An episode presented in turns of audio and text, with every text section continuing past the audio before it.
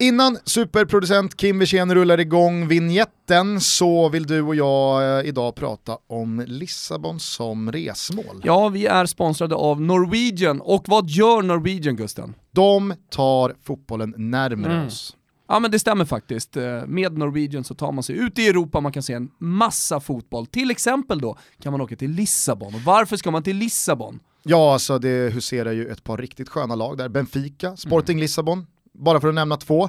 Eh, jag var i eh, Portugal för 15 år sedan och tittade på Sverige i EM 2004, men då var jag i Porto och Mm. sen dess har jag blivit matad av att Lissabon, det är snäppet upp. Nej men det är det verkligen och jag gillar de här resmålen som inte är de kanske största, mer självklara fotbollsdestinationerna eller weekenddestinationerna. Jag tänker ju såklart på massa resmål som Norwegian faktiskt kan ta en till. Typ Barcelona, Rom, Milano och så vidare.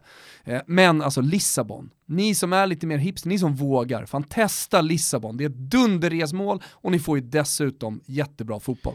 Precis, och ni får inte bara jättebra fotboll utan ni får också en jättebra rabatt av Norwegian. För hela vägen fram till den 10 mars så ger Norwegian alla Toto-lyssnare 10% rabatt på alla flygningar från svenska flygplatser. Den här koden Toto 2019. Den kan man utnyttja hur många gånger man vill, man kan sprida den till friends and family och det här gäller resor hela vägen fram till den 9 Så man juni. kan alltså mygla lite här, alltså, även om mamma inte lyssnar på Toto Balutto så kan hon använda koden TOTO2019 när hon vill ha rabatten. Sen får hon gärna börja lyssna på Toto Ja, också. hon är varmt välkommen. Eh, ni har ju själva, norwegian.com eh, slash tutto är det som gäller. Kimpa, rulla igång gingen.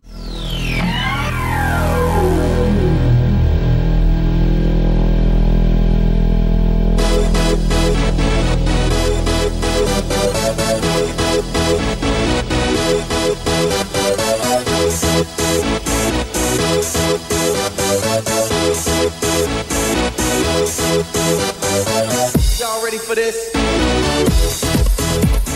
Hjärtligt välkommen ska ni vara till Toto Balutto den här veckan inspelat på olika håll. Jag sitter uppe i en fjällstuga i Härjedalen och du är packad och klar redo att dra med familjen mot Siljan strand. Eller vart är det du ska skidsemestra? Jag vet inte alltså, om det finns någon strand där, men Siljan stämmer. Siljans näs påstår familjen att vi ska åka till. Jag har ju inte direkt stor erfarenhet från att åka norrut. Jag gillar ju att åka söderut. Jag är dessutom släkt i Alperna, så om du ska åka lagg va, så åker man ju direkt till dem. Men eh, nej, det ska bli kul. Det ska bli kul att se Dalarna. Finns det någon Toto-lyssnare där uppe i Siljans näs så kan de ju höra av sig. Jag kanske får lite tristess här framåt Champions League. Det känns ju som att Dalarna är ett av de landskapen. Satt du inne på dalmål hörru? Ja, men jag, det, finns, det finns en eh, kvinna i årets säsong av eh, Sveriges Mästerkock som pratar med sånt jäkla brett dalmål. eh, så att jag har kommit på mig själv att testa dalmålet här. Lite titt som tätt senaste tiden. Nej, men jag, skulle tillbaka då.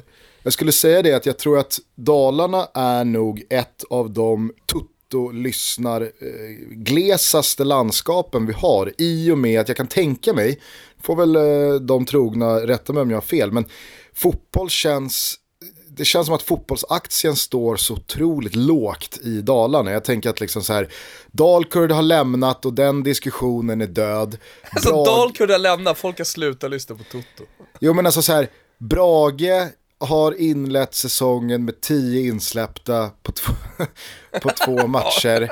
Eh, och liksom eh, de grönvita på Domnarsvallen. Det, det känns som att de hade någonting på gång, likt Schalke, för några år sedan. Men nu känns det som bara en liksom, tidsfråga innan Brage, Brageballongen spricker igen.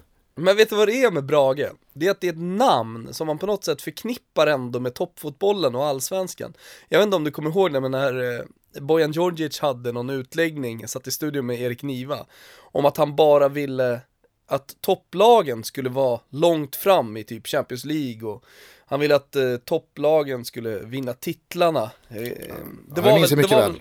Ja, exakt. Det var, det var, det var starkt eh, fotbolls-tv-ögonblick såklart när han, när han gick emot, när man vet om liksom att, att Niva tänker helt annorlunda. Det Men- var väl men det- framförallt då när Leicester ledde Premier League va? Ja precis, precis. Han ville ju inte att de skulle vinna Premier League. Han ville Nej. att det skulle vara stora lagen i toppen och så vidare. Eh, om- om man ska säga en sån här liten light-variant av, av det där är ju att jag tänker ju ofta liksom att de här de här lagen som var stora när jag växte upp, eller liksom när Brage var ändå eh, ett, ett, eh, ett lag. Alltså de, de, som jag ville ha i så fall då upp till allsvenskan. Så att eh, så här, Brage är ett sånt lag som jag går och tänker så här, ja fan de borde, de borde komma någon gång. Därför, där, därför har jag en lite så här släng, släng av Bojans skada lite i huvudet. Jag måste säga att jag, jag hyser samma känsla för Öster. Ja, där har du, ja men det gör jag också. Alltså Öster, nu tror jag att några av våra yngre lyssnare, som ändå har varit med ett tag, eh, tänker på Örgryte till exempel, som har nyligen varit uppe men som sedan då har, har fallit ner. Eller hur? Ja, verkligen. Men Öster, helt klart, mycket bra klubb. Eh, vi kommer säkert eh, prata en hel del om eh, Kepa Arasa- Aratsabalaga, eh, vad det lider här. Men på det spåret och på, om vi ändå nu är på lite mindre svenska klubbar. Har du följt eh, vad Sleipner gjorde i helgen? Ja, det går inte, det går inte att, äh, att ha missat, helt omöjligt. Eh, det var ju så mycket, väldigt många starka grejer som kom från den här matchen. Ja, verkligen. Nej, men alltså, den här helgen var ju otrolig vad gäller saker som man hajar till gällande. Ja. Men Sleipner då, de träningsspelar mot uh, Åtvidaberg och uh, Åtvidaberg eh, leder med 6-0 i paus. Då Åtvid, det där har ger- du också en sån här fallen eh, stor Ja. drake som när de kom tillbaka till allsvenskan gjorde väldigt många glada. Ja men då kastar ju Sleipner in handduken. Tack och bock för idag. Vi går inte ut till andra halvlek. Eh, domaren vägrar ju eh, gå med på det här. Utan hävdar då att eh, ja, men då får vi spela klart matchen 8 mot 8. Några spelare från Sleipner drar, lämnar anläggningen. Men domaren eh, står på sig och menar att ja, men vi kan spela klart 8 mot 8. Men vad gör då de kvarvarande Sleipner-spelarna? De barrikaderar sig, tar sig själva som gisslan och låser in sig i omklädningsrummet och vägrar gå ut. Då är det så jävla svenskt att Åtvidaberg då kör 45 minuters träningspass ute på plan. När vi ändå är här, eller hur? Ja, nej, det tog jag med mig. Jag tog dessutom med mig eh, att eh, eh, Frej, såg du det? Eh, Elfsborg, mötte ju Frej på Borås Arena. Eh, och eh, Elfsborg fick då en indirekt frispark för att Frejs målvakt höll i bollen för Åh. länge. Älskar indirekt frispark. Jo men alltså, dels så kan man älska indirekt frispark, men det är ju så oerhört sällan domaren de facto blåser men för att målvakten håller i bollen för länge. Alltså det brukar vara Vad en är klassisk... regeln nu för tiden? Ja, det, är väl, det, är väl, det är väl den klassiska sex sekundan. För när, när den första regeln som kom, det var ju fyra sekunder hålla i bollen, eller fyra steg. Kommer du ihåg när det var fyra steg? Att målvakten fick liksom inte röra sig mer än, än, än fyra steg. Jag tror Nej, det att kommer jag inte innan, ihåg alltså. ja men det var så, jag tror fan innan fyra sekunder och fyra steg så tror jag det var tre steg. Det var ju på den tiden vet du, när man inte fick stå i linje. När, när man stod i linje så var det offside. Som är sjukaste jävla regeln någonsin. Men ändå så ropade alla, domaren jag var i linje, så det första jag fick lära mig på domarutbildningen var att så här, ja men står du i linje, då är du offside. Vad fan Det är som att säga, är det är som att, säga, det är som att säga att det är mål när bollen är på mållinjen.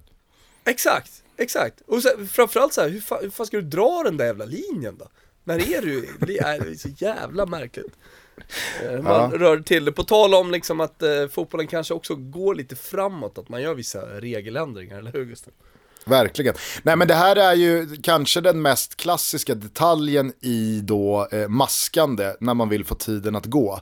Att målvakten då, ja, först har bollen vid fötterna och, och står och väntar på att en forward ska komma och sätta pressen så nära så att han måste ta upp den. Men sen då att han kan hålla i bollen betydligt längre än de sex sekunderna regelboken tillåter. Men att domaren aldrig gör någonting åt det. Men nu vet jag inte vem det var som var domare på Borås Arena här mellan Elfsborg och. Frej. Men, men det är någon som är, eh, det, det är en streber som är på väg uppåt i karriären som har gett sig fan på att han ska ha både, både allsvenskan och internationella matcher vad det lider. Ja, men han har ju, liksom eh, alltså, många gått och funderat på det där. Jag tror att det var förra veckan, om det var i Champions League, det var någon som uppmärksammade mig på just den grejen liksom, att fan, ska inte, ska inte, domaren, eh, ska inte domaren blåsa när han håller så länge i bollen? Och, och man konstaterade bara krasst att nej, nej, alltså det, det händer inte. Eh, men, men och uppenbarligen så har den här domaren har ju, har ju gått och funderat på det här, eller hur? Ja. Så, så bara väntat på ett tillfälle att ta en frispark, i, indirekt frispark. Jag, jag undrar Nej. hur han laddar upp i domarrummet in, inför sina matcher. Alltså mm. står han och, står han och slår, eh, ger sig själv örfilar framför spegeln och kväser att du släpper fan ingen över bron idag. Sex och en halv sekund, då ljuder pipan. Hör du det din jävel? Sen så, ja. Av, ja, sen så efter matchen så avslutar han allting äh, med en ensam middag, sen så går han ner till eh, närmsta eh, sadomasochistklubben. du vet, ta på sig, ta på sig läder, läderkläder med bara ett litet hål i rumpan och åker på sån jävla åkning. Ja. ja. men jag kan tänka mig när, när spelarna tackar honom för matchen, Eh, så, ja, men håll med så... om att sadomasochism har någonting liksom Ja. Kanske, inte, kanske, inte, kanske inte ditt uttal av det, men sadomasochism, absolut. men du, kör, du körde masochism. Så är det. And uh, only in, in uh, sex masochism, then it is allowed. Ja, men eh, vi, vi ponerar bara att uh, han heter, uh, han heter uh, Fredriksson ja. i efternamn. Ja. Så kan jag tänka mig också att så här, när, när matchen är avblåst och spelarna tackar för matchen så säger inte han liksom tack för idag eller bra jobbat eller liksom grattis eller eh, ja, något, något, något sånt där bara casual man säger till en spelare efter en match som domare. Utan då, kör, han sträcker bara fram handen, nyper tag i, i, i den labb som ges och så säger han bara Fredriksson, det lägger du på minnet. det lägger du på minnet.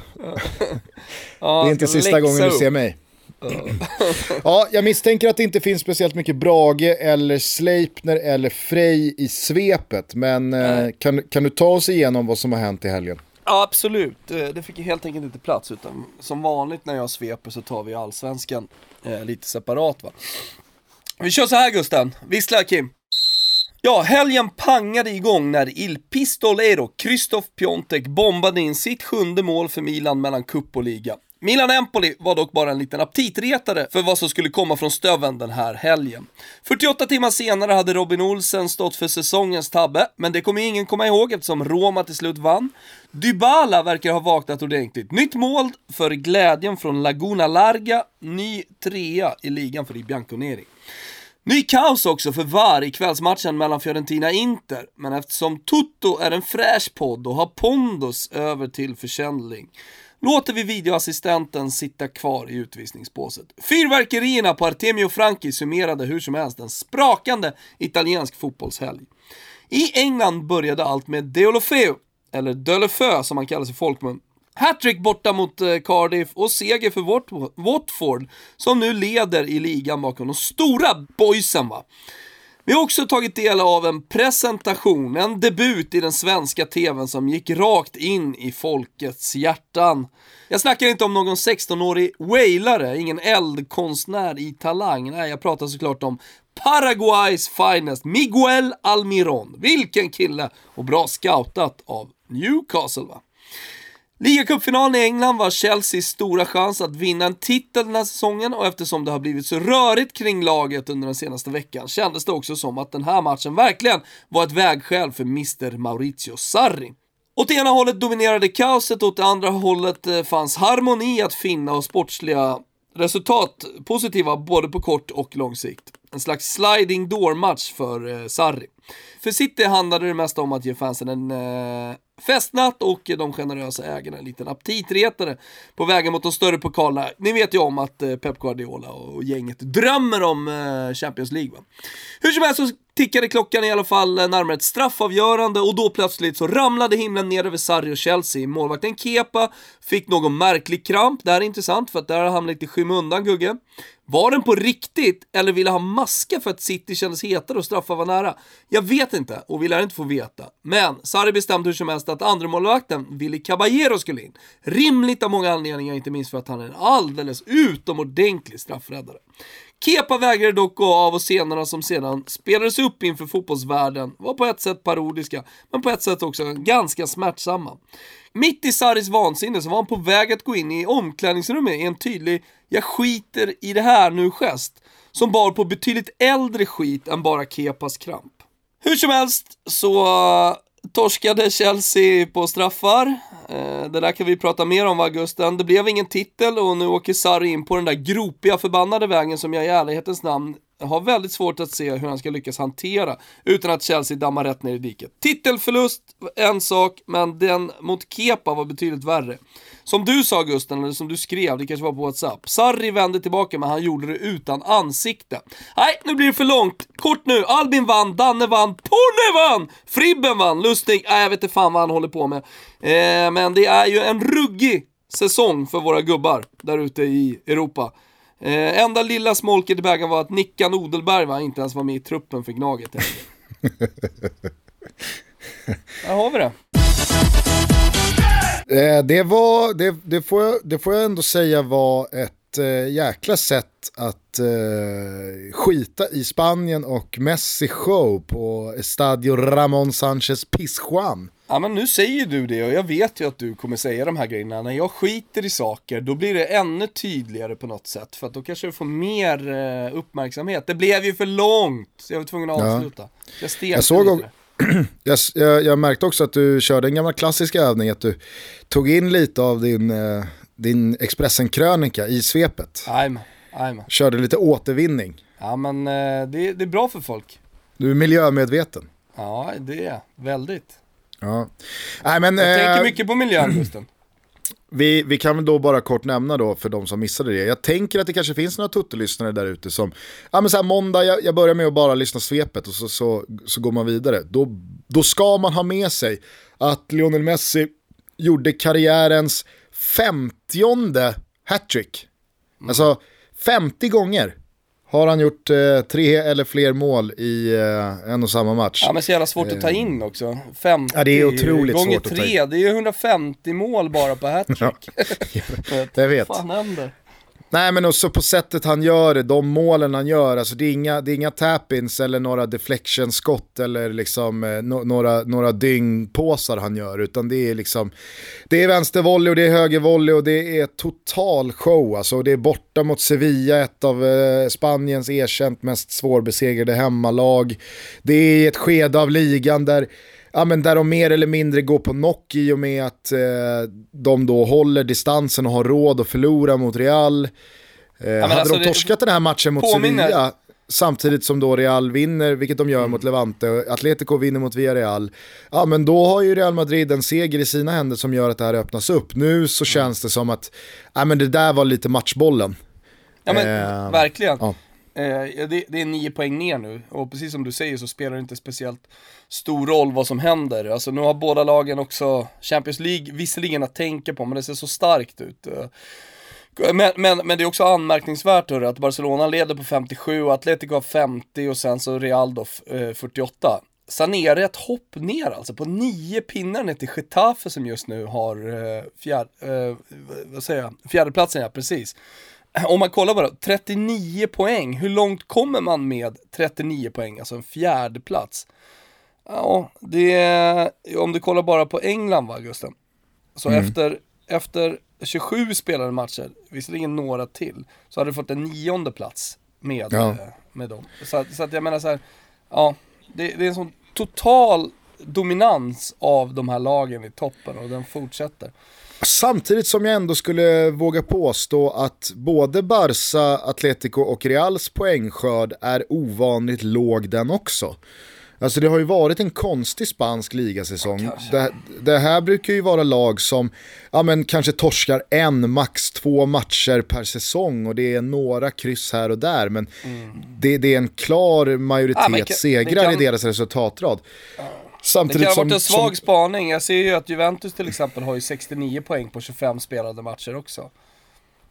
Ja men där har du ju verkligen ett lag som då har, har tagit sina pinnar. De har väl Ja, bara ja, men kolla, fyra kolla, kryss. kolla, liksom. kolla, i, kolla i Tyskland då. 54 på Borussia Dortmund som bara 23 spelade matcher. Ja. Nej men alltså, Och det är, då, det, det det, du däremot sätter fingret på det är ju klustret av lag bakom den där topptrean som alla har haft säsonger som har gått i perioder. Alltså, inledningsvis så var det ju Celta Vigo som gick starkt, sen gjorde ju Alaves en supervår, och, eller höst och låg väl tvåa ett tag. Och, eh, du har haft, eh, ja, men som du är inne på, Sevilla, Getafe, eh, Valencia har liksom vare sig vunnit eller torskat. Och, det är så Ja, men jävla synonymt med de här lagen säsong. du, alltså. ja, ja, men synonymt med de här lagen eh, som du rabblar upp här, det är att de inte kan hålla en streak eh, speciellt Nej. länge. Utan de, de har en formtopp och sen så försvinner den helt enkelt. Det är jävla märkligt också på ett sätt.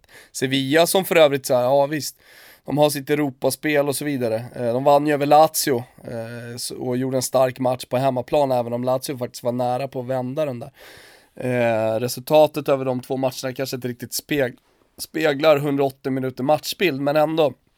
Sevilla alltså, tre torskan oavgjord på de fyra sista matcherna i ligan. Mm.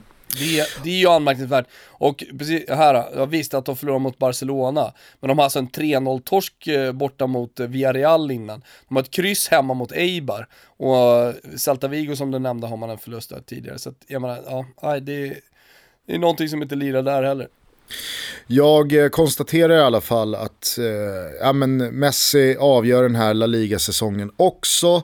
Jag skrev på Twitter också så här att världens femte bästa spelare har så jävla show nere i Sevilla att det är löjligt. Och då, då var det många ändå som noterade att är det verkligen Toto Balutto fräscht att fortfarande köra på Eh, köra på det här med att han ska vara världens femte bästa spelare. Så, så då, då skämdes jag lite, då satt jag där skamsen och tänkte, är, är, så, är, jag så, är jag så tradig så att jag tuggar vidare på det här? Så att, nej, men vad var det du sa i svepet? Tutto är en fräsch podd. Nu släcker vi ner Lionel Messi som världens femte bästa spelare. Den Härligt. sägningen liksom. Ja. Det har vi använt för sista gången då. Eh, med det sagt så kan vi väl då studsa tillbaka från eh, Spanien och tillbaka till Wembley och den där ligacupfinalen för det var ju eh, scener som eh, ja, men var, var nya för mångas ögon. Det var ju inte bara indirekta frisparkar på Borås Arena och att Sleipner som låste in sig i omklädningsrummet utan jag har, all, alltså jag har aldrig sett en spelare vägra bli utbytt. Nej, eh, om det nu var det som hände. Alltså, man måste ju ändå ta in det där som jag nämner om krampen. Alltså att han då, att Kepa kanske tror att eh, Sarri vill ta ut, eller att Sarri är på väg att ta ut honom på grund av skada. Men där han då liksom inte vill gå ut och mena på att, nej men jag är inte skadad, det är lugnt gubben. Jag, jag kör vidare. Dock är, finns det ju 20 sekunder där, där han är riktigt vansinnig Kepa, där han står och skriker och gestikulerar mot Sarri bänken. menar du? Eh, Nej men även Kepa, alltså okej, vansinnig. ja. men, men, det, men det finns 15 sekunder eller någonting sånt där i hela den här händelsen där, där han verkar vara förbannad över bytet. Eh, så så det, det, det kan ju faktiskt fortfarande vara så att, eh, eh, ja, men att, att, att han vägrade så att säga. Eh, men jag tror men alltså- att i alla fall den första reaktionen var så här, nej men det är lugnt, jag är inte skadad. Absolut, och, och det tror jag också. Samtidigt så var jag helt övertygad om att det har Sarri uppfattat också, men han vill ändå byta ut Kepa. Och sen hur många procent som är, jag vill ha in Willy Caballero som är en stark straffskytt som dessutom har spelat i City och som dessutom har varit straffhjälte i en ligacupfinal för tre år sedan. Alltså jag menar, det kan ju finnas taktiska dimensioner i viljan att få in Willy Caballero som Kepa inte har någon aning om. Men sen så tror jag också att ganska många procent är att Sarri förstår att ja, men det är väl klart att Kepa inte vill bli utbytt för att han eh, vill bli hjälte i straffläggningen så att han säger att nej men jag har skakat av med den här krampen, det är lugnt. Men att Sarri, rutinerad och gammal i gamet som han är, fattar att äh, men har han ens ja. liksom 5% kramp så skiter jag i vad han säger, då ska han ut. Jag vill ha en helt fräsch målvakt på linjen. Och då kan han stå och vifta bäst fan han vill att han är, att han är fit for fight, det, det skiter jag i. Så att jag, jag hör vad du säger och du får ju rätt i efterspelet i någon slags samstämmig halvhaltande version av Keposari där de också påstår att ja, men det var ett missförstånd. Men jag uppfattar det ändå som att Sarri har koll på alla de här detaljerna, vill ändå ha ut honom, men mm. Kepa tycker som du är inne på att äh, men jag bestämmer om jag ska bli utbytt eller inte för det här handlar till 100% om min skada och jag bedömer att jag är fräsch. Ja, äh, men absolut. Det, det, enda, det enda jag ville egentligen när jag tog upp det eh, var att ge det hela bilden, så att säga. För det är så lätt, som jag ser på Twitter och, och runt om, att bara fasta vid att han vägrar gå av, men att man ser kanske eh, att, att situationen kanske var lite större än så. Eh, och sen så kanske det bara mildrar lite grann för Kepas del. Men alltså, du, du, du, det var ju flera grejer i hela den här situationen som jag tycker är anmärkningsvärda. Som jag tycker vi kan stanna till lite vid. Och, ja, först och främst att han får kramp. Ja, exakt. Vad fan, alltså, det, det är ju trots allt så att Chelsea kan ju vinna matchen. Han kan ju ta bollen, kasta ut den fort ju. Det är ju läge för kontring där. Men jag tror fan att han känner att här måste vi lugna ner. Här går vi mot straffar, jag vill bli hjälte, jag vill vinna den här. Det kan ju vara så också. Fan, det ja, ja. med nu. Att han Absolut. kände att det här ska jag vinna på straffar. Jag vill ja. ha den här straffläggningen, att det var helt egoistiskt. Att det är Exakt. en egoistisk jävel det där också. Ja. Men det jag också fokuserar på är att han, om han nu fick det, de facto fysiskt får kramp som målvakt. Alltså, det, det, det ska man inte få. Nej, det ska inte hända med tanke på att du inte har några löpmeter under en under en match, då skulle det vara att han har haft problem på något sätt med en vad eller vad vet jag. Men, Kostar man närmare en miljard, då ska man fan kunna hålla, då ska man fan kunna hålla sig krampfri du, i 120 minuter. Nu är du, och, nu är du verkligen och touchar på en sägning som 60-talisterna liksom bara älskar att slänga sig med. Alltså, ha, spelar ju... man fotboll, vänta lyssna, alltså gå på en allsvensk läktare, lyssna på 60-talisterna. Det kan vara så att även en 50-talist hänger på med det här. Spelar man professionell fotboll och tjänar de pengarna som de här spelarna gör idag så, då ska man fan orka 90 minuter. Vadå byte? Vadå trött? Vad fan om jag gör inget annat än att tränar?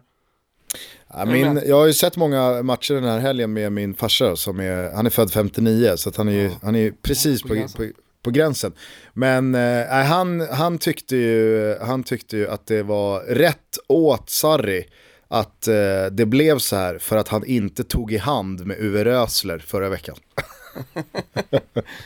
ja, ja, men, Nej, då, kan han, då kan han ha den här skiten. Men, det, där är en, det där är en gris. Det där är en gris som inte ens tar i hand efter match. Nu, nu har ju din farsa visserligen spelat eh, fotboll eh, under eh, i stort sett hela sitt liv höll jag på att säga, men, men långt upp och eh, högt upp också, så han har väl koll på att man, trots att man eh, då är professionell fotbollsspelare, kan bli trött. Men, men, men han har ju lite den ändå i sig, eller hur Gusten? Det här med att, vad fan, han ska väl orka, han gör ju inget annat än att träna. För jag märker nämligen på Isak att han har det, din bror, har lite det här i sig.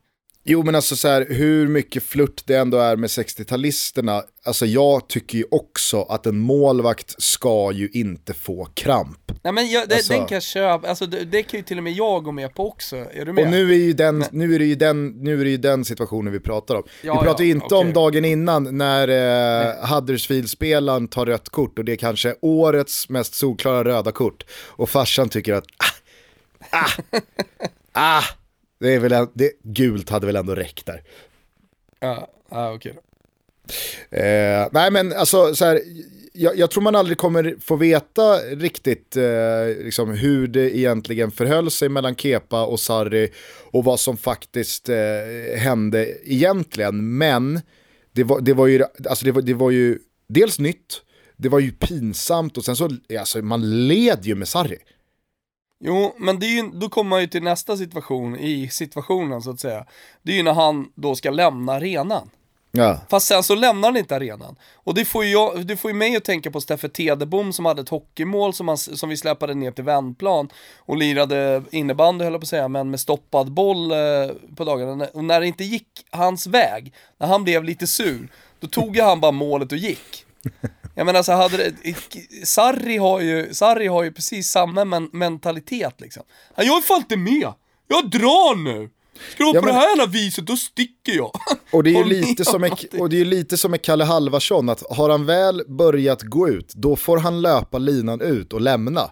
Han kan inte vända vid dörren då, Nej, nej men och exakt. ångra sig. Nej. exakt. Men, där, men han har ju, där, han lider ju av någonting annat när han står efter matchen. Eh, efter matchen, men efter loppet. Som, han kom ju fyra va Gusten? Ja. Ja. Jag såg att du Eh. kryddade gårdagens eh, sprintstafett med medalj så gäller vadet. Ja, exakt, eftersom det var individuellt. Eh, Men när han står efter och rackar ner på sig själv, håll med om att det är en annan typ av mentalitet, svag mentalitet. Jag vet inte om du hörde intervjun med Radiosporten igår?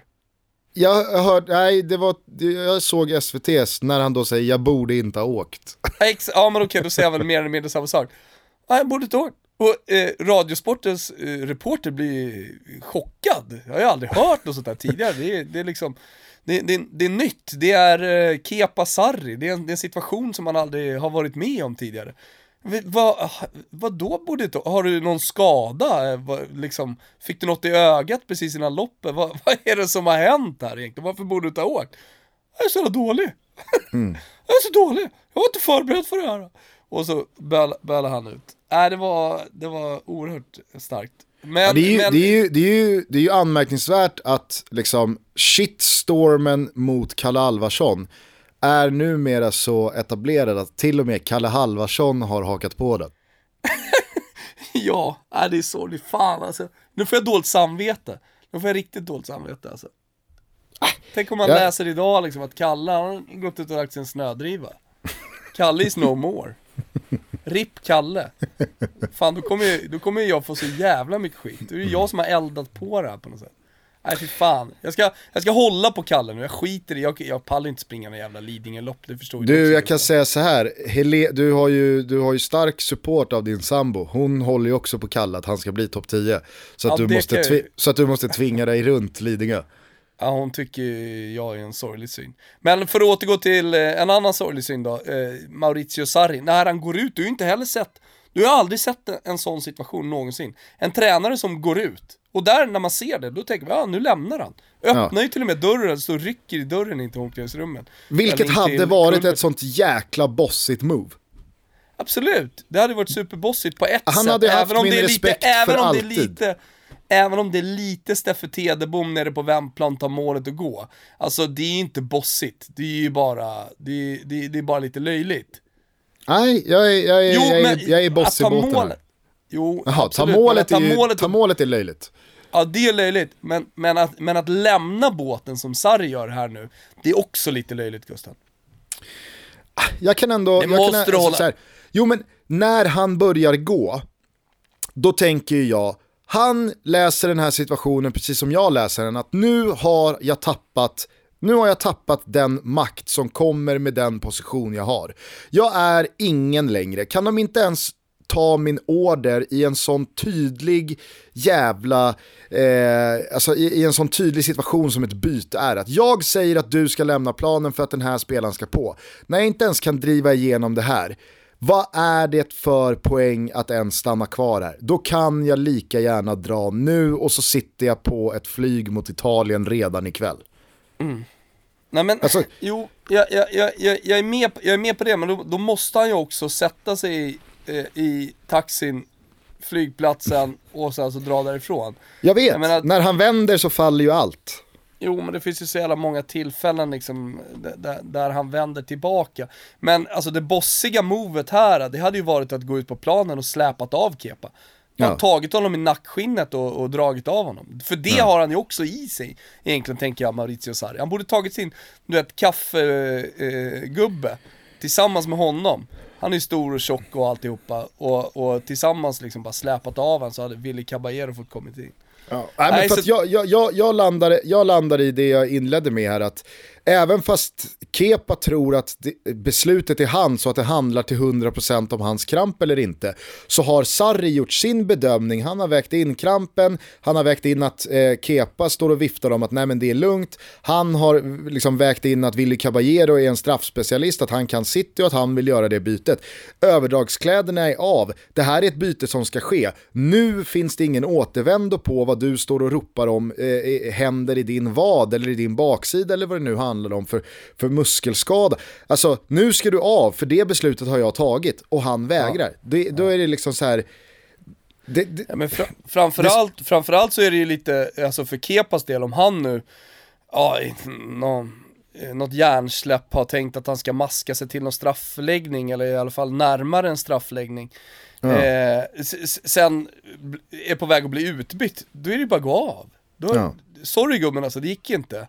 Du tänkte lite fel, du hade otur när du tänkte, det, kliv av. Nu är Willy Caballero på väg in. För att, jag menar, även i hans huvud så måste det ha snurrat till i alla fall att, oj då, han kanske vill ha in Willy ja, i det här verkligen. läget för att, jag menar, det, det hade inte varit första gången i historien heller. Men Holland, var det 2014 som de bytte in, eh, eller var det 2010? 2014? Ja, 2014.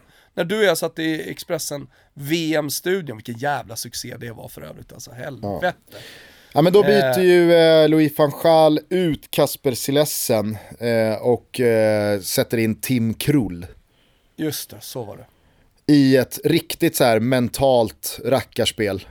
Just det. Och han tog, tog väl varenda straff typ. Det tyckte vi var jävligt roligt för övrigt, när vi satt i studion. Vilken, vilken månad det var Gusten. Så många Ja. timmar i en studio har du, har du sammanlagt inte gjort efter det. Som du gjorde under den månaden. Ja, det stämmer nog. Nej, men eh, sen var det ju en straffläggning som eh, ja, stod och eh, krängde åt båda hållen. Jag menar, eh, alltså, det känns ju som att det ska gå Citys väg direkt när, när Chelsea missar första. Alltså, just att det är Jorginho också som missar med sin patenterade straff. För att när man missar en sån straff så ser det ju så otroligt löjligt ut. När han skuttar Ja. till lite och bollen är för lös. Och det, alltså, Eder Vad sa som din kan- farsa? Alltså, han, han sitter ju bara, alltså du vet, en straff ska vara hård. Ja, det, är, det, är, det är liksom, det, det, det är den första instruktionen. Hårt! Hårt ska det Men vara. alla vi som har sett Jorginho göra de här straffarna tidigare har ju mer eller mindre, eller många i fotbollsvärlden har ju geniförklarat honom för den här straffen. Ja. Men när man missar en sån straff så ser det ju väldigt löjligt ut. Och sen så gör City 1-0 och då känner man ju direkt att jaha, okej, det här är ju inget snack. Det här, blir ju, det, här, det här kommer inte ens gå till femte rundan.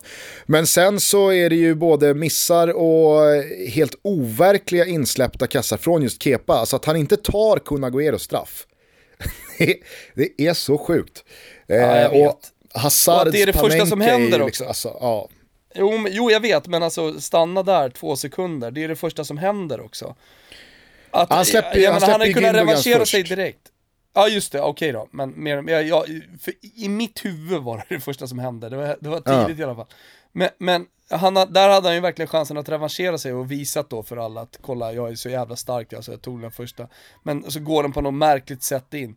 Ja, Eh. men sen så gör han ju det i straffen efter så gör han ju en jättebra Ja. räddning på Sanés straff. Och det, alltså det är så här, äh, som det kunde slutat hur som helst det där. Men Mm. eh, City eh, tar första titeln och jag tycker, alltså du har, ju, du har ju såklart inte fel i svepet här när du säger att det är fokus på Champions League. Men chansen lever ju i allra högsta grad fortfarande för City att göra någonting jag aldrig har upplevt i alla fall, nämligen kvadruppen.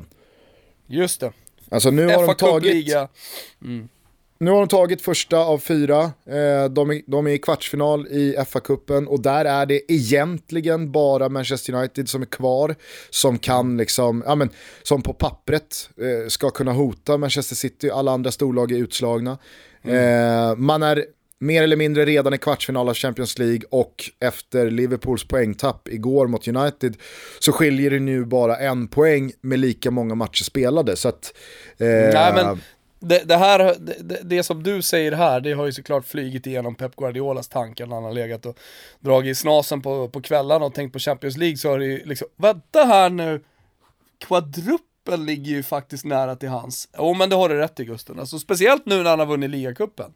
Alltså då, då får han ju, då får han ju än, ännu mer bensin liksom på, på det här. Ja, och jag tycker liksom den stora skillnaden på Manchester City och egentligen alla andra eh, topplag i England, nu, nu eh, får väl Champions League ses som ett litet eget spår i och med att man dels kan springa in i jämbördiga, kanske rent av bättre lag, men också att lottningen skiljer sig otroligt mycket. Men jag tycker de, den senaste tiden så har det verkligen Ja, men det, har, det har blivit så smärtsamt tydligt vilken otroligt vilken otroligt bra bredd City har på sin trupp som inte United har, som inte Liverpool har trots deras sommar då när det var det de skulle åtgärda. Arsenal har inte heller varit där, Chelsea har inte heller lyckats eh, liksom tackla eh, en, en eh, formdipp eller en, en, en frånvaro av Hazard.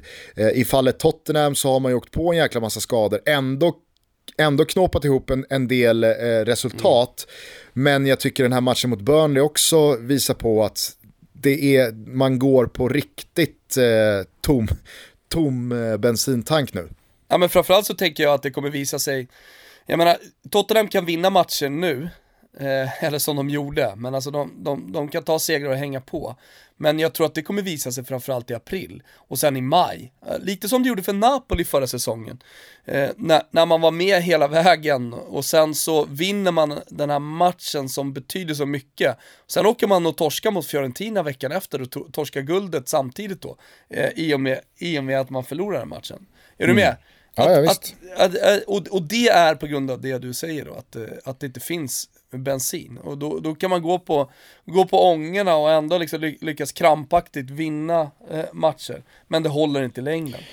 Och det, är Nej, jävla, menar... det, det, är ju sådär, ja, men det, det, det, tycker jag, det tycker jag generellt sett eh, med fotboll och toppfotbollen och, och titlar, att eh, man, man pratar lite för lite om eh, just det här hur du spenderar din energi. Eh, jag menar, du, du och jag har tagit upp det flera gånger, Toto Balutto, jag vet att det har varit uppe i Eurotalk någon gång och sådär också, men, men det är sällan jag ser någon Fantomen.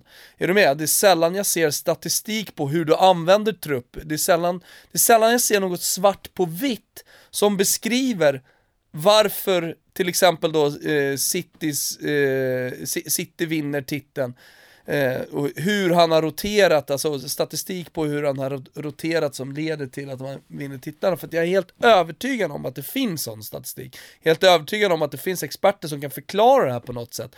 För detta tränare eh, och så vidare. Alltså man pratar och raljerar jävligt mycket om att Sarri inte roterar eller att han roterar för mycket. Eh, men, men det borde ligga något slags minifacit någonstans. Ja, ja men då, ska man, då ska man dessutom komma ihåg att City faktiskt har haft en hel del skador under sin säsong också. Jag menar, alltså, det... Kompany är jämt skadad här och där. De Bruyne har varit skadad, Gabriel Jesus har varit skadad. Eh, du har haft... Eh, Agüero har varit borta också. Du har haft Agüero borta, du har haft eh, eh, Mendy som inledde säsongen helt otroligt. Han har varit skadad i, i flera månader här nu. Eh, det har varit skador på Ja, och du, som du nämner, bara kort där Gusten, en parentes, som du nämnde Mendy, där är det en spelare också som, som tokhyllades, var han inte typ månadens spelare i något läge och, och, eh, det, det gick hur bra som helst. Och sen jo, när han inte då kunde spela så, så var det Sané som klev fram på den vänsterkanten istället. Mm. Ja, ja, och han gör om lite taktiskt. Nej men och jag, och jag tycker att liksom i, i, i, andra änden då så blev det ju här väldigt tydligt igår på Old Trafford när United, på tal om att uppleva saker för första gången, jag, jag kan inte minnas att jag upplevt fyra byten för skador i första halvlek någon gång.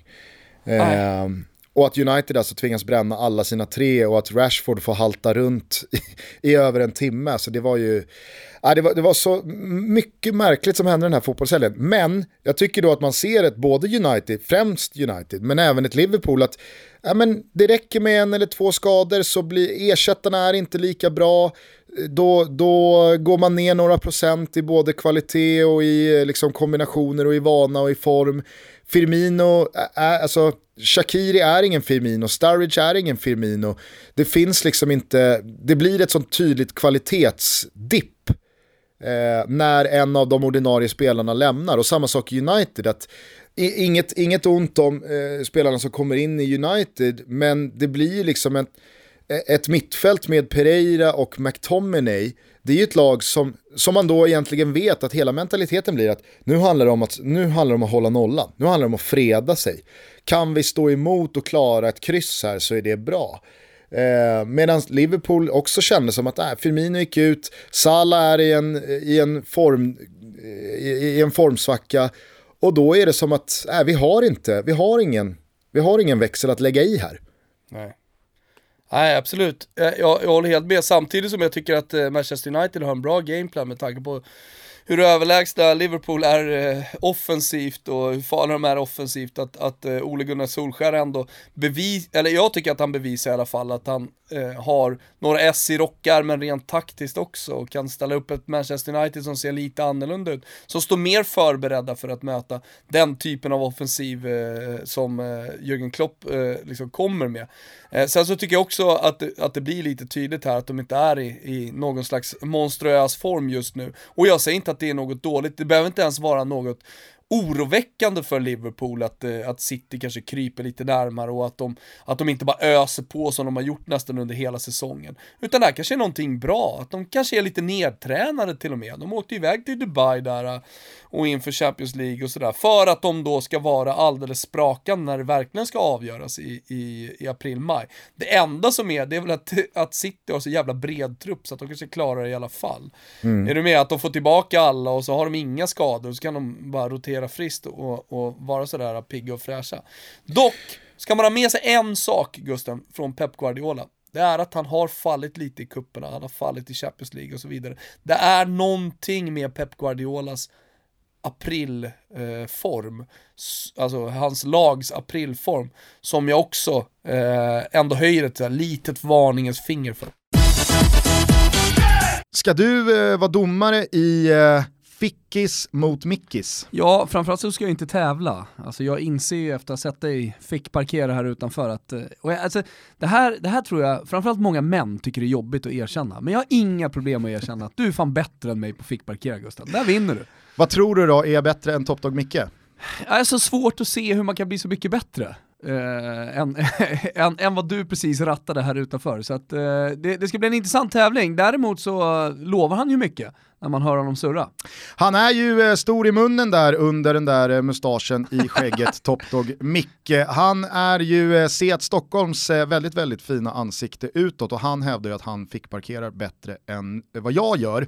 Så att vi ska ta en liten tävling här snart, det blir väldigt roligt. Men vi tävlar ju inte bara mot Seat Stockholm utan vi pushar ju även för deras otroligt bra privatleasingstilar. Ja, de är väldigt bra, vi har testat på dem själva, eller hur? Min syster har just nu en Leon till exempel, bara en sån sak. En eh, jättefin bil och en ruggigt bra deal tillsammans med Seat Stockholm. Eh, så har ni inte bil, står ni i eh, valet och kvalet och, och funderar på vilken bil ni ska välja, äh, men kolla in då på seatstockholm.se, där hittar ni allting. Följ även Seat Stockholm via Instagram, där kommer det mer information och nyheter. Tack till Seat Stockholm, vi ses snart, eh, Top Dog Micke, när det är dags alltså för Fickis mot Mickis. Alla ni som lyssnat på Toto Balotto den senaste tiden vet ju att Pepsi Max har vunnit ett eh, blindtest mot den bästsäljande sockrade koladrycken på marknaden. 53% föredrog Pepsi Max. Mm, jag förstår det, och här skulle jag vilja komma med ett tips faktiskt Gusten.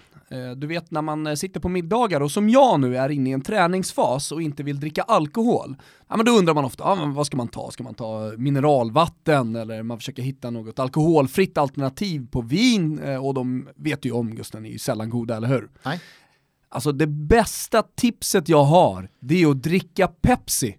Vet du varför? Nej. För det passar perfekt ihop med precis alla maträtter som rött vin passar till.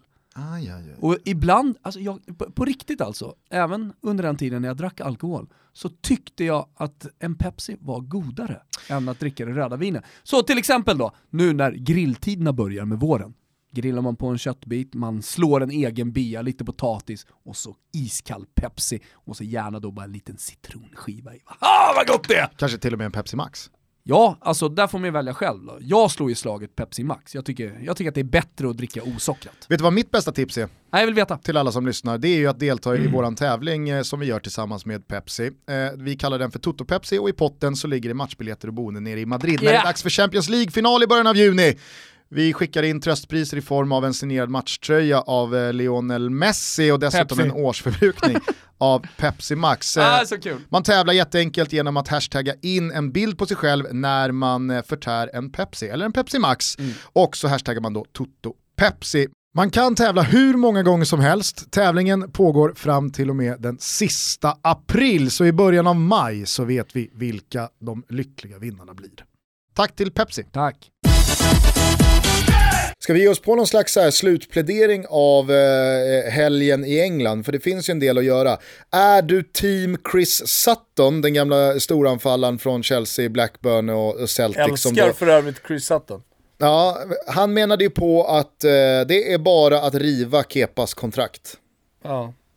Är, är du team Sutton eller eh, hur, hur tycker du att eh, Eller- man går vidare här nu? Det blir, det Nej, blir ruskigt intressant att se vem som står mot Tottenham. Där får vi ett svar på Ja. om Kepa och Sarri eh, ser på samma sätt på den här situationen eller om det bara var eh, snack utåt. Alltså jag älskar Chris Sutton, alltså, det, var en, det var en spelare som, eh, ja men så här, från öarna, jag hade inte jättemånga eh, som verkligen fastnade hos mig, men alltså Chris Sutton var verkligen en av dem. Eh, vilken lirare. Eh, däremot så får han ju lugna sig lite mellan förmiddagsbärsen och eftermiddagsbärsen här, eh, när han är ute och svingar va. För att eh, som du sa tidigare också, Kepa kostade en miljard för Chelsea. Det är klart man inte ska riva något kontrakt. Det absolut bästa för Chelsea som man kan göra om man nu ska se lite nyktert på det här, det, det, är, ju, det är ju att liksom pudla, precis som man håller på med. Att eh, ta i hand även om det är jobbigt. Eh, för Sarri att svälja stoltheten och, och för Kepa att, eh, att på något sätt, eh, ja vad vet jag, be om ursäkt och, och så vidare. Alltså, det, det bästa är att, för Chelsea här är att inte låta det här blåsa upp till eh, orkan. Jag menar om det har varit en storm här, eller kanske till och med redan har varit orkan, alltså in i katastrofläge här nu. Alltså göm er lite, snacka, snacka inte så mycket om det och låt Kepa stå nästa match. Det är ju medicinen för att komma, komma ut från det här, liksom någon, på, på något sätt inte så liksom skadade så att, så att det verkligen bara blöder, utan då går det, det kommer gå mycket snabbare att läka det här om man nu lägger locket på och låter Kepa köra vidare. Det tror jag i alla fall. Vi kan väl i alla fall delvis då summera den här väldigt intensiva och säsongsdefinierande perioden som vi pratade om inför här för två veckor sedan, strax efter man åkte på den där 6-0-smällen. När du och jag ändå vågade påstå att det vårades för Chelsea. Det var ju många som vi- ville få det till att vi då eh, tyckte att jävlar vilken vind i seglen det är borta hos Chelsea och, och, Ja, och, ju och, och vad bra allt rullar på.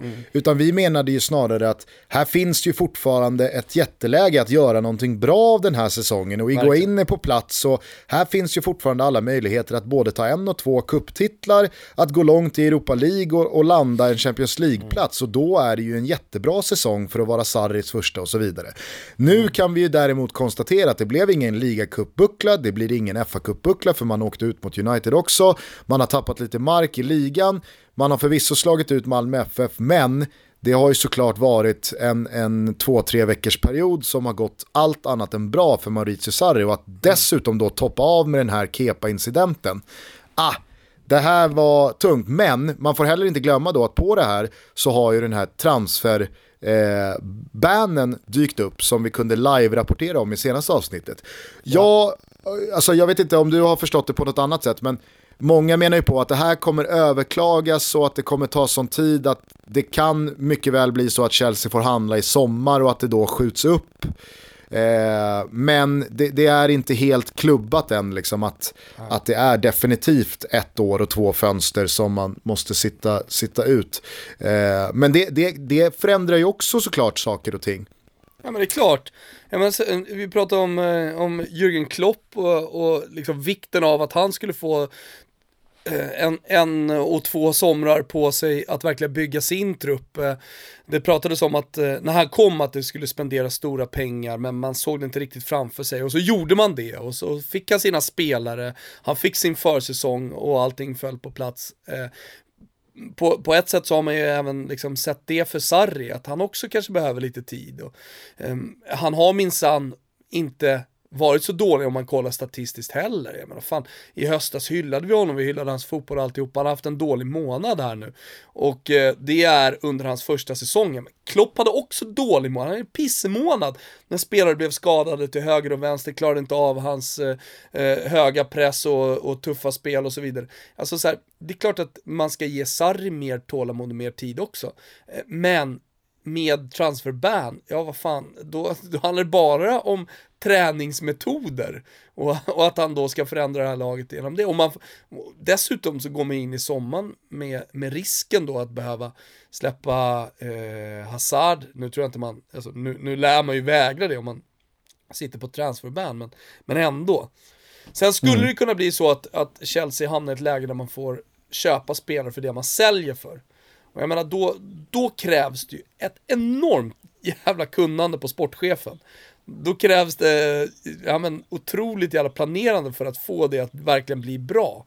Är du med? Och ja, att Sarri också lägger sin varma hand på den, eh, eh, ja, men den strategin där för att gå vidare. Och då är ju faktiskt Hazard eh, nyckeln i alltihopa. Att sälja honom extremt jävla dyrt och att i så fall då använda de pengarna till att bygga om truppen. Och faktiskt kan man, man kan göra det, det har man sett i historien. Man kan göra en trupp bättre. Kolla på Napoli till exempel som säljer Cavani och som sen tar in eh, Callejon eh, och jävla mycket skit Cajon fick alltså, men Iguain och Albiol, alltså de tre. Och sen mm. fortsätter liksom att bygga vidare laget på de pengarna som man får in för försäljningen till PSG. Alltså det går utan att liksom eh, gå, gå minus att, att ändra på en trupp och, och gå starkare ur det. Men som sagt, det krävs mycket. Eh, innan vi eh, lämnar England bara för eh, den här gången. vad, vad tycker du? Är det gulasch eller schnitzel, hiss eller diss till Michael Owens eh, förslag i halvtidsstudion där han då eh, proklamerade att alltså, hade jag varit Liverpool då hade jag ju, då hade jag ju siktat på Rashfords eh, ankel här och, och tag, tagit ut honom. jag, jag är fan team Owen måste jag ändå säga här. Alltså det, och det kan ju låta, ja egentligen så är jag inte team Owen. Han har ju fått men, väldigt men, mycket skit för det här. Ja, jag vet. Nu har inte jag hört det, så på vilket sätt han säger det. För att, alltså, jag är team Owen för att jag tror, alltså jag bara gissar här nu Gusten, i och med att jag bara har läst om det. Så gissar jag att det finns något, det, det finns nyanser i det här. Det finns tonläge, det, det finns någonting han säger innan, det finns någonting han säger efter. Som gör att jag fan är fucking alltså jag är så jävla team over man kan bli. Man måste kunna få liksom, man måste kunna få vara lite ironisk och sarkastisk, man måste få kunna skämta lite och folk måste fan fatta och inte kunna, alltså man måste faktiskt kunna, eh, jag här, inte ta allting så jävla ordagrant hela tiden. Nej, samtidigt så är det väl inte helt otänkbart att han är 100% allvarlig också. Alltså så här, och tycker att ja, de har ju bränt sina tre byten, han springer runt och haltar, en smäll till så kan han inte fullfölja och då spelar Liverpool 11 mot 10 i en, en, en halvlek. Och, och det, det är en ligatitel i potten här det kanske är värt att faktiskt tumma på de moraliska och etiska reglerna här eh, och, och genom en smäll han inte kan resa sig ifrån. Alltså helt ärligt, Alltså alla som har varit i ett omklädningsrum, alla som har spelat fotboll, alltså på någorlunda nivå, vet om att, alltså har varit med om en liknande situation någon gång. Klipp den här jäveln nu. Eller? ja, jag säger alltså så här, Av olika är... anledningar, jag säger inte att det behöver vara som i det här fallet att Rashford är en nyckelspelare. Det kan vara andra, andra anledningar. Mm. Och jag menar, det han gör här nu, det är att ta omklädningsrummet ut i eten. Mm. Och för mig är inte, alltså jag, jag har faktiskt inga problem med det. Sen så, alltså så här, eh, jag kan ha, jag kan ha, jag, jag, jag håller inte med Owen. Jag hade inte sagt så själv. Men håll, förstår du vad jag menar? Att jag kan tycka att det är på något sätt Ja men ärligt och fräscht att man, att man tar, eh, i, som Owen i det här fallet, omklädningsrummet rätt in i tv-studion. Ja, han delar ju med, sig, han delar ju med jo, men... sig av att det faktiskt, alltså så här, det, det kanske rent av pratas om det här där inne nu, för att alla har ju tänkt det. Exakt, och jag menar bara, det, vi ska alltid hålla på att väva in våra ord eh, så att eh, det blir politiskt korrekt hela tiden. Och inte minst då i en tv-studio. Så jag, mm. jag, jag, jag, jag, ju, mer, ju mer vi pratar om det så är jag så jävla team Owen. Jag kanske, jag, jag hade inte sagt så själv, Jag är inte alls den personen som, som går, står längst fram i omklädningsrummet och säger klipp den där jävla högerytten nu, för jag pallar inte med honom mer. Eller liksom, vi tar ut Det, det, tian. är ju, det är ju inte anledningen. Utan det handlar ju om att då får vi spela 11 mot 10. Inte för att de inte pallar med honom. Nej, det är, Rille i GT76 på schack, alltså eventuellt att det har sluppit ut, alltså att alltså, fan, nu hoppar vi in nu hoppar vi in en spark i, i bakhuvudet på den här jäveln, alltså för han springer omkring och sparkar och slår på alltihopa. Det är möjligt att det har hänt någon gång mot Rille i GT76, men, men i övrigt så är jag absolut inte den personen som står längst fram och säger de här grejerna. Men jag tycker att greppet, om vi nu får kalla det för det, att ta omklädningsrummet till en tv-studio är för jävla fräscht alltså. Mm, mm.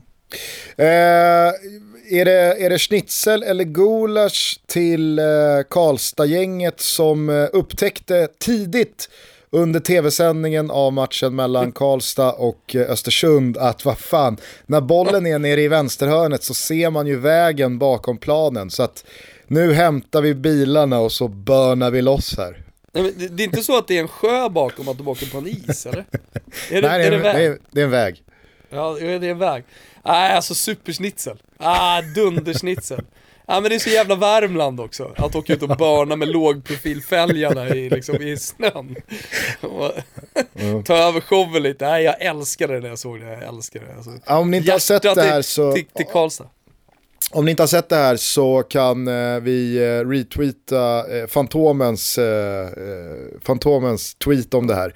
Eh, när han då upptäcker uppe i vänsterhörnet att det sladdar runt en jäkla massa raggarbilar bakom planen ja, för att visa upp sig.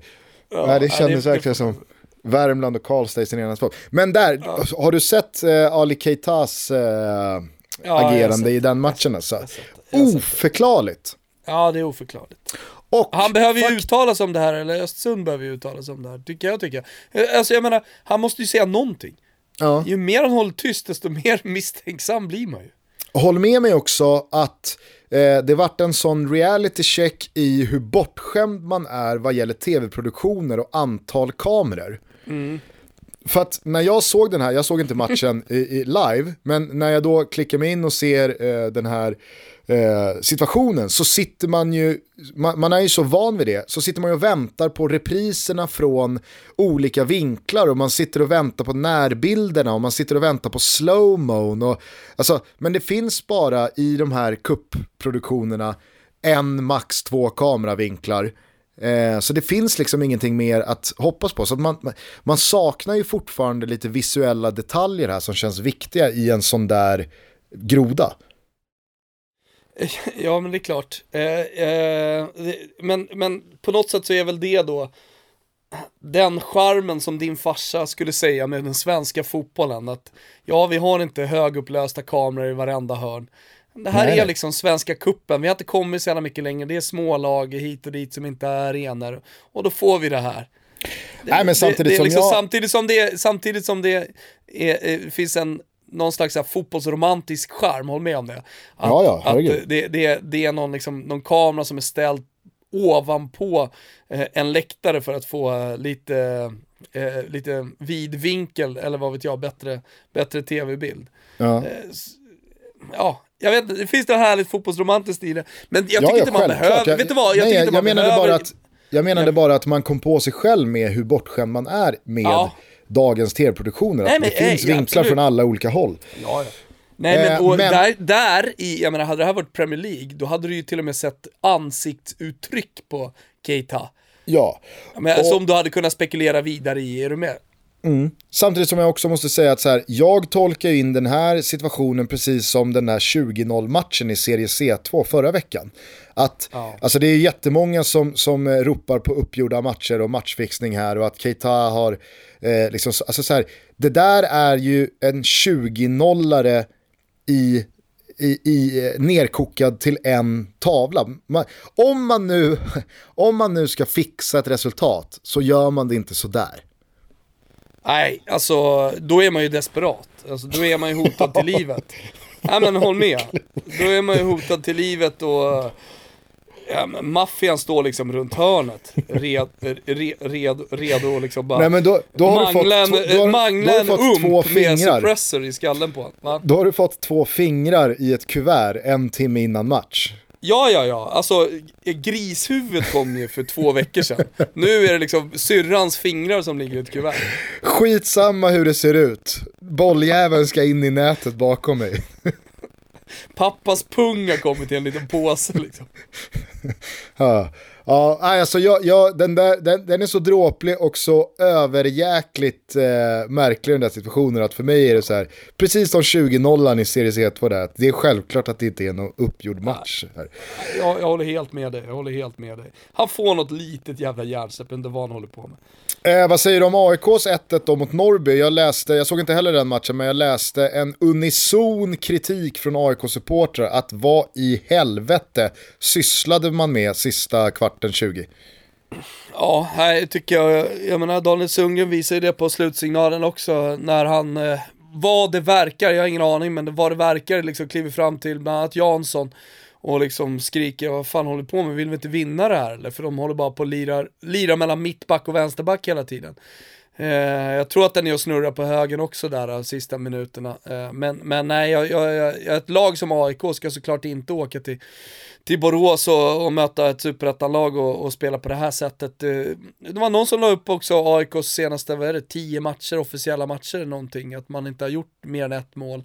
Eh, och det är klart att även om det här är försäsong och även om jag är liksom den största förespråkaren eh, om att man inte ska se fräsch ut utan att det ska vara tunga ben eh, och sådär, så, så finns det ju en matchplan här eh, som, som, är, som är usel. Och jag menar så här, Norling har själv pratat väldigt mycket om att det är viktigt med offensiven i år, ska vi testa nytt och så här.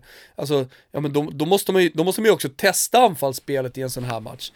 Och om det är så att Norling har gått ut i paus och sagt att så här, äh, nu, vill jag, nu, vill jag, nu vill jag att vi visar att vi kan hålla en ledning, nu vill jag, nu vill jag se possession, så kan jag också tycka att det är lite fel läge i så fall att göra det mot Norrby som står 1-1 som är lite halvnöjda och som inte kommer pressa eh, liksom AIK ner i, i fotknölarna i, i försvaret. Så att, Framförallt så är det eh, en märklig gameplan eh, att eh, visa nu att vi kan hålla en ledning när man inte leder. Ja men det är det jag menar, jag menar så här, och även om resultatet, eh, nu är, det inte, nu är det inte ens bra, men även om man nu av någon oförklarlig anledning tycker att resultatet är bra, så är ju motståndaren inte med på det. Utan motståndaren tycker också att det är lite nice med 1-1. Så då, får, Ja, alltså, då ja, tränar du ju inte på liksom, possession-spelet heller. Om nu det hade varit liksom, någon, någon slags strategi från eh, Rickard Norling. Jag vet, äh, jätte, jättemärkligt.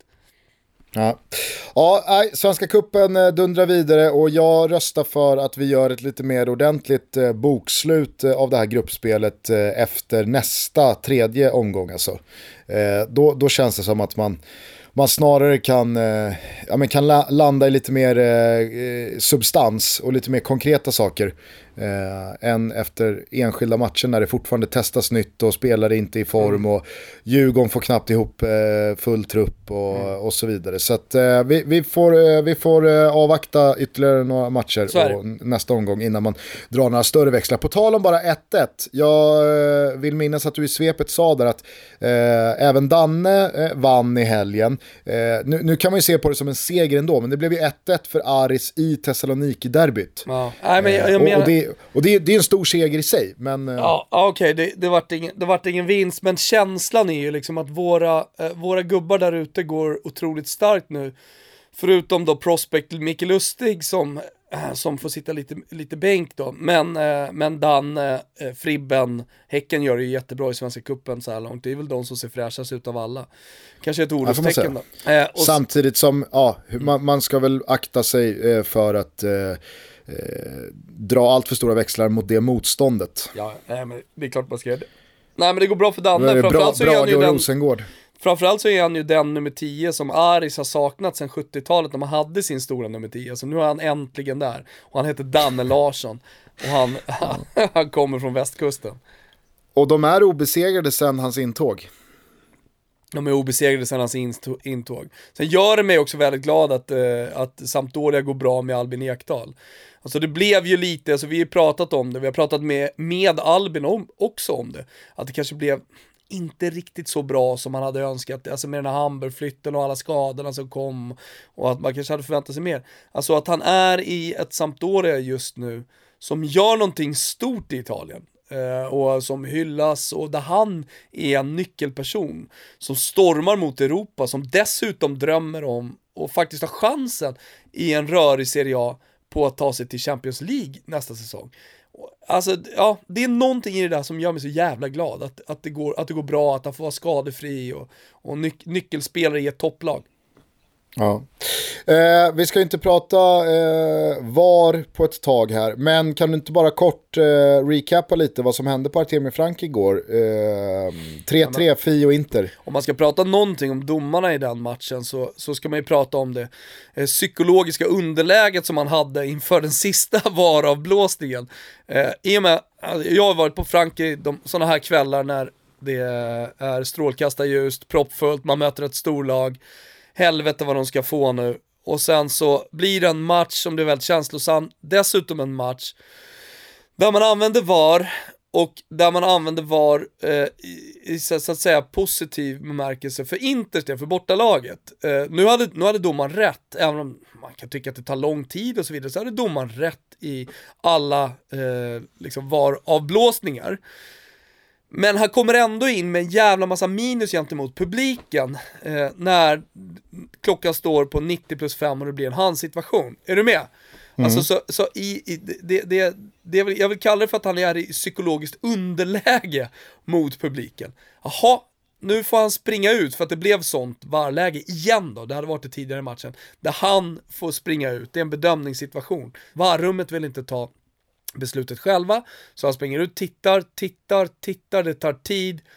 Och ju längre tid tiden går, desto högre sjunger Fiorentina-fansen, vilket de har gjort under en längre tid när de varit sura på domaren. Fatteridere, fatteridere, ni skämmer ut er och vi skrattar åt er och så vidare. Ja.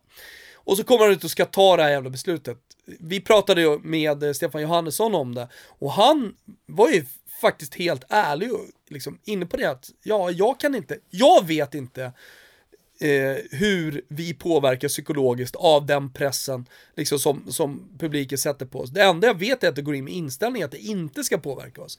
Men mm. i det här läget, med de två varvsituationerna tidigare som har varit direkt avgörande, korrekta absolut, men det vet ju inte publiken, är du med? Nej. Så att i det här läget så är han i ett sånt jävla underläge. Och då ska han då ställa sig där med, med pondus och blåsa. Och jag, alltså framför tangentbordet, jag ser att det är många som skriver det, hemma i sitt vardagsrum så är det jävligt enkelt att bara skriva, ja men vadå? Han är ju domaren, ska vara iskall, det är bara, det är bara att döma rätt. Ja men, jag vet att du är med mig här Gusten. Det är inte lätt att göra det. Och jag tror att det är det han torskar på här. Så han dömer ju fel. Det är ju, det är, det är, och, och han vet om att han dömer fel. Är du med? Ja, ja, ja. ja Herregud. Så det blir, det, alltså, men, men grejen är att du kan inte hänga VAR, för han har redan blåst straff för Fio. Så jag menar så här, straffen fanns redan innan, VAR eller inte. Straffen var blåst, är du med? Så att ja. det, det, har liksom egentligen inte med saken att göra. Det alltså, enda som VAR gör här är att det förstärker, det förstärker ju, eh, det förstärker ju, eh, eh, nej men, li, lite det, hela den här, det här psykologiska spelet mellan en ensam människa och 40 000 på läktaren. Ja, nej, men jag förstår. Nej, men, och, och, eh, mycket riktigt som du refererar tillbaka till här. Jag, jag gick ju på Johannesson ganska ordentligt där i höstas och pratade om de här, alltså så här, de, de, olika eh, sekvenserna som finns i en match med då att man går emot hemmapubliken eller att man eh, går emot eh, lagets största stjärna eller spelare sådär, hur mycket man påverkas av det, om det spelar någon roll vad matchklockan står på eller om det, om det är lättare att ta ett beslut när ett lag leder med fyra mål eller eh, när det står 1-1 på tilläggstid och så vidare. Så och, och, som du mycket riktigt då sa, att uh, hans inställning var ju såklart att nej, men herregud, jag vet inte hur man påverkas psykologiskt där. Det är ju så mycket lättare att förstå och respektera och köpa när VAR inte finns, om du förstår. Ja, ja, ja, jag förstår precis. Alltså, absolut. Eh, men när menar, VAR då finns också, så, vad, ges, ju, så ja. ges ju den här möjligheten att göra om och göra rätt. Jag vet, men när, jag vet. Men, men när du då berättar att han, han tar fel beslut igen. Mm. så Nej, blir det ju så mycket. Ja. Nej, det, det, det är ju faktiskt det, är- det är helt otroligt. Sen sätter ju Fiorentina den här straffen och får, de får ju liksom 3-3 och så, då, då kan man ju prata om liksom domslut eh, som avgörande och så vidare. Alltså, det, det kan ju vara så att det skiljer någon poäng bara på att Inter går till Champions League Ja, ja. eller, eller torskar då Champions League i slutändan. Och det är liksom Eh, en domares eh, eh svaga psyke som i slutändan gör att eh, ja, det går åt ett eller annat håll för lagen i toppen. Det, är- det, det är såklart anmärkningsvärt. För allting handlar ju om, alltså med VAR, så handlar det ju om att man faktiskt har ett hjälpmedel som man kan göra rätt. Nu blir det ju bara, i det här fallet så, så, så blir det ett hjälpmedel som bara gör det ännu värre för honom. ja. Nej, verkligen. Och jag tror Eh. att det italienska, jag tror faktiskt att i det, det italienska domarförbundet här nu, liksom så, de, de kommer ta bort honom. Han kommer inte döma kanske på någon månad. Eh, och jag tror också att han inte på år kommer få döma varken Fiorentina eller Inter. Vi eh, lyckades ändå hålla VAR i utvisningsbåset i ett par dagar. Men nu, nu är VAR tillbaka ute på banan igen. Och det, det Nej, känns men- bra. Ja, nej men det, det handlar, för mig handlar det inte om VAR, utan det här handlar om psykologi. Så Ja. jag, jag tycker att vi håller VAR i utvisningsbåset ett tag till, okej? Ja. Ja, det blir ju roligt att se om, om de där eh, två förlorade poängen för Inter kommer ha eh, någon eh, påverkan på utgången av den här säsongen. Det, det blev en liknande situation igår kväll här i Härjedalen när vårt Mahjong-parti avgjordes efter fyra dagars spelande. Har du spelat Mahjong någon gång? Nej, jag, jag vet vad det är, men det, det är inte mitt spel. Ja, nej, det tar ju väldigt lång tid att spela ett helt parti Mahjong. Man brukar ju göra det liksom över, över flera dagar för man spelar en två timmar och sen så man, ser man hur långt man kommer och sådär. Och då i alla fall så, mitt i det här partiet så leder farsan stort. Eh, och morsan ligger hopplöst sist och jag ligger, jag ligger långt bakom farsan men ändå som tvåa. Och då så gör pappa Mahjong med eh, en bricka då som det, här är, det, det är en smal publik man når här nu men eh, Jag är ruskigt sval. Alltså. Ja, men det, jag skulle bara, det, det, är en, det är en liknande situation. För att han gör då mahjong med den enda brickan han kan göra mahjong med. Och för det får man lite extra poäng. Eh, men de poängen glömmer mamma ta med i beräkningarna. När hon gör då hela uträkningen av partiet och eh, ja, vad ställningen är inför nästa parti. Och då säger farsan då, tog du med, tog du med min poäng, eller tog du med poängen jag fick för eh, att jag gjorde mahjong med sista kvarvarande brickan. Och då hade morsan redan räknat ut allting för hand och så var hon så här, nej men du får bjuda på de poängen. Du får inte de poängen. De kommer ändå inte spela någon roll, eh, för du leder så stort ändå. Och sen så går ju jag om igår kväll och vinner med fyra poäng. Så att hade Då farsan vill han bara retroaktivt ta tillbaka Ja, men- de poängen. Hade farsan då bara fått sina då sex poäng han skulle fått för eh, den där brickan så hade han vunnit. Så att farsan går in och ogiltigt förklarar hela partiet som vi har hållit på med i fyra dagar. Fan vad man gillar farsan alltså. Ja, då, kan, då får vi ogiltigt förklara hela det här partiet. Eh, ja, det är kanske Ogiltig samma öde Inter Slutade det med det också? mötes. Eller slutade det med det också Gustav? Att det Ah. ogiltigt förklarades? Vi vet inte riktigt, jag får känna på det idag. Eh, vad, vad han säger, vad han har landat i. Han kanske bjuder på den idag. Ja, du vet vad som inte är ogiltigt förklarat? Eh, ditt vad gentemot Kalle Halvarsson? Ja, det lever fortsatt, även om ja, det är ju tungt i och med att han själv vill åka hem nu så känns det inte riktigt som att han, på tal om psyke då, har vad som krävt, krävs upp i knoppen för att, för att palla med, vad vet jag, om fem mil eller, eller, eller vad det nu är för någonting. Hur som helst, nej men det, det som inte är ogiltigt förklarat, det är ju Strives eh, lilla tävling. Vet du vad den går ut på? Ja, herregud det vet jag. Det är ju dubbel El Clasico-vecka denna vecka. Det stämmer, det är dubbel El Clasico och i samband med detta så låter Strive ut en matchtröja från respektive lag samt ett årsabonnemang till Strive där man kan se alla matcherna. Och vill man vinna det här då ska man retweeta och kommentera våran tweet som finns eh, och sen också kommentera vilken tröja man vill vinna. Enkelt! Min vinnare meddelas av Strive Sport på onsdag. Sen hoppas vi också ha stora nyheter på torsdag. Vi återkommer till det Gusten är det nu så att man inte är den lyckliga vinnare som vinner årsabonnemanget på onsdag, ja men då tycker ju du och jag att man med fördel går in och tecknar ett abonnemang via strivesports.com. Då får man ju se de här El Clasico-matcherna. Eh, Copa del Rey semireturen redan på onsdag kväll och sen så är det La Liga El Clasico till helgen. Man får ju dessutom alla matcher från Serie A och övrig mat övriga matcher från La Liga för bara 79 spänn i månaden eller 499 kronor för ett helt år. Så att Ja, ja. Strivesports.com för alla då, eh, vad, vad ska vi säga, hedersamma eh, tvåor i den här tävlingen.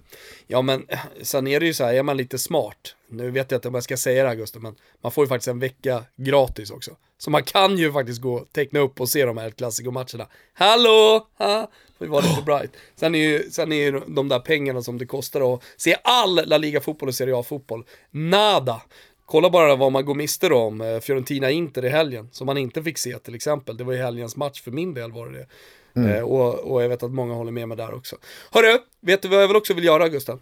Nej, Jag vill säga stort tack till Betsson som gör den här podden möjlig. ja, det vill jag också göra. Alltså stort, stort tack. Nu går vi in i en midweek-vecka vad det gäller England.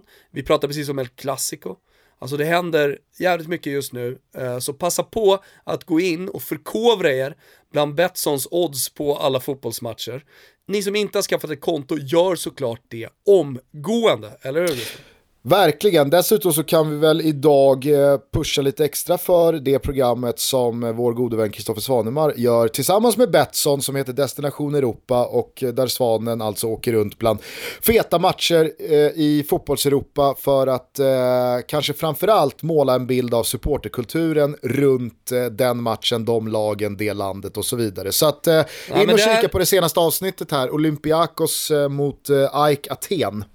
Destination Europa är det absolut bästa som har producerat eh, webb-tv-mässigt, kanske också tv-mässigt vad det gäller fotboll det senaste decenniet.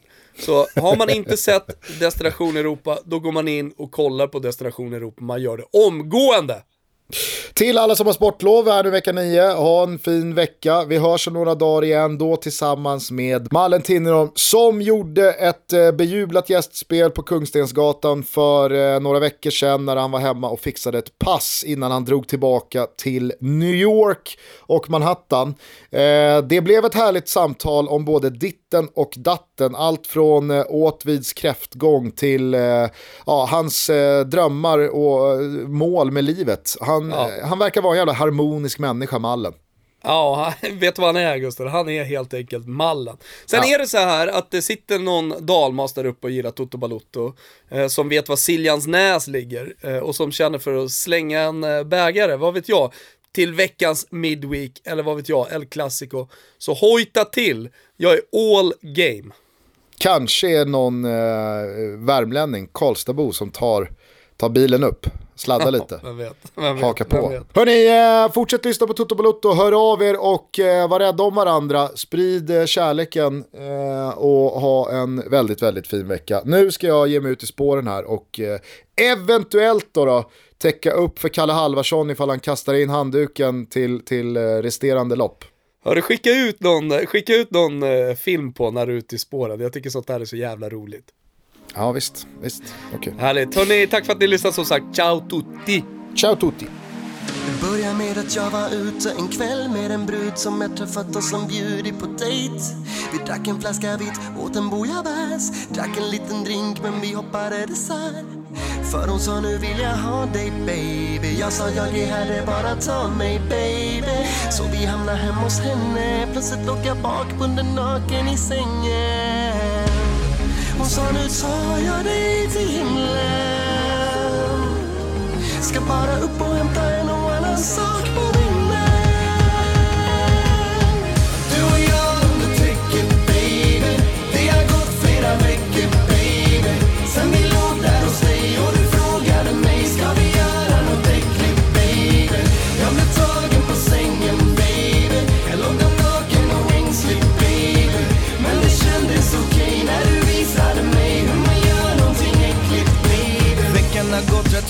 jag har fått fett mycket gjort. Men jag känner mig rätt äcklig. Jobbat från morgon till kväll, längtar till kommande helg. Då jag får komma hem till dig Vi kan ta vid där vi slutade förra veckan. Låt mig bara få ta en dusch. Sen gör vi det där som är uteslutet för de flesta. Det de tycker är överkurs. Men jag vill ha mer än en körlektion. Och jag, och jag tror faktiskt jag är redo. Så uppkörning är vad hon föreslår. Och jag, jag lägger inte in något veto Du och jag under täcket baby. Det har gått flera veckor baby. Sen vi låg där hos dig och du frågade mig Ska vi göra något äckligt baby? Jag blev tagen på sängen baby. Jag låg där naken och ängslig baby. Men det kändes okej när du visade mig hur man gör någonting äckligt. Jag ställer inga krav, krav, krav. Säger aldrig nej, nej, nej För du vet vad jag vill ha, ha, ha. Så du får göra vad du vill med mig. Jag ställer inga krav, krav, krav. Säger aldrig nej, nej, nej. För det blir aldrig så bra, bra, bra. Som när du får göra vad du vill någonting äckligt med dig Du och jag under täcket baby. Det har gått flera veckor baby. Sen vi låg där hos dig och du frågade mig Ska vi göra något äckligt tagen på sängen baby. Jag låg där naken och ängslig baby. Men det kändes okej när du visade mig hur man gör någonting äckligt baby.